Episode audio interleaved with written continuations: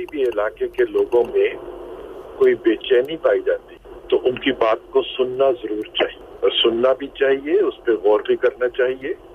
آ, یہ ہمارا اپنا ملک ہے اور اپنے ملک کے رہنے والے اگر کوئی شکایت کرتے ہیں کچھ تحفظات ہیں تو انہیں بیٹھ جانا چاہیے ان کے ساتھ اور ان کی باتوں کو سمجھنا چاہیے۔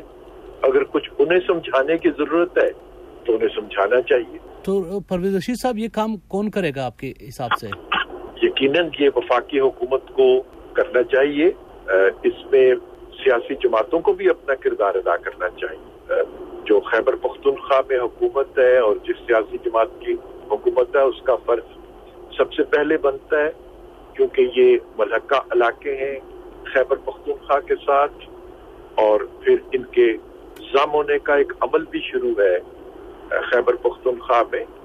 ابھی کل ہی سینٹ سے ایک بل منظور کیا ہے، جس کے نتیجے میں ان علاقے میں رہنے والے لوگوں کو تقریباً ستر سال پاکستان کی قومی زندگی گزر جانے کے بعد یہ حق حاصل ہوگا کہ وہ سپریم کورٹ اور ہائی کورٹ سے انصاف حاصل کرنے کے لیے رجوع کر سکیں گے۔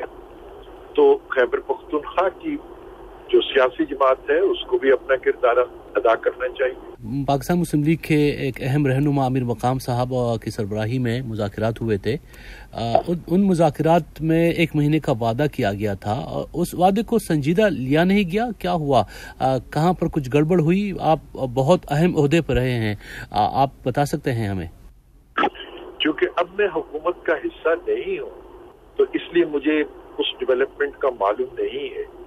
لیکن اگر کوئی امیر مقام صاحب نے فریضہ انجام دیا تھا تو جو کمٹمنٹ کی گئی تھی حکومت کی جانب سے یا آن بہاف آف حکومت، اگر امیر مقام صاحب نے کوئی کمٹمنٹ کی تھی، تو اس کو ضرور آنر ہونا چاہیے۔ انٹرنیشنلی ایک کرٹیزم ہو رہی ہے پرویسی صاحب کے پاکستان میں میڈیا اب بھی آزاد نہیں ہے۔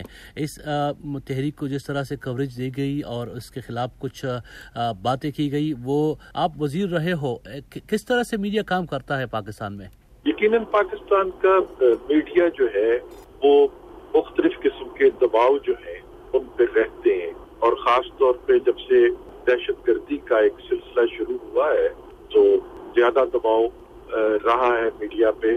اور خود پاکستان کے اندر جو حکومت ہے اور حکومت کے مختلف جو بازو ہوتے ہیں، ان کی جانب سے بھی بعض دفعہ میڈیا کو کوشش کی جاتی ہے کہ کچھ باتوں سے روک دیا جائے۔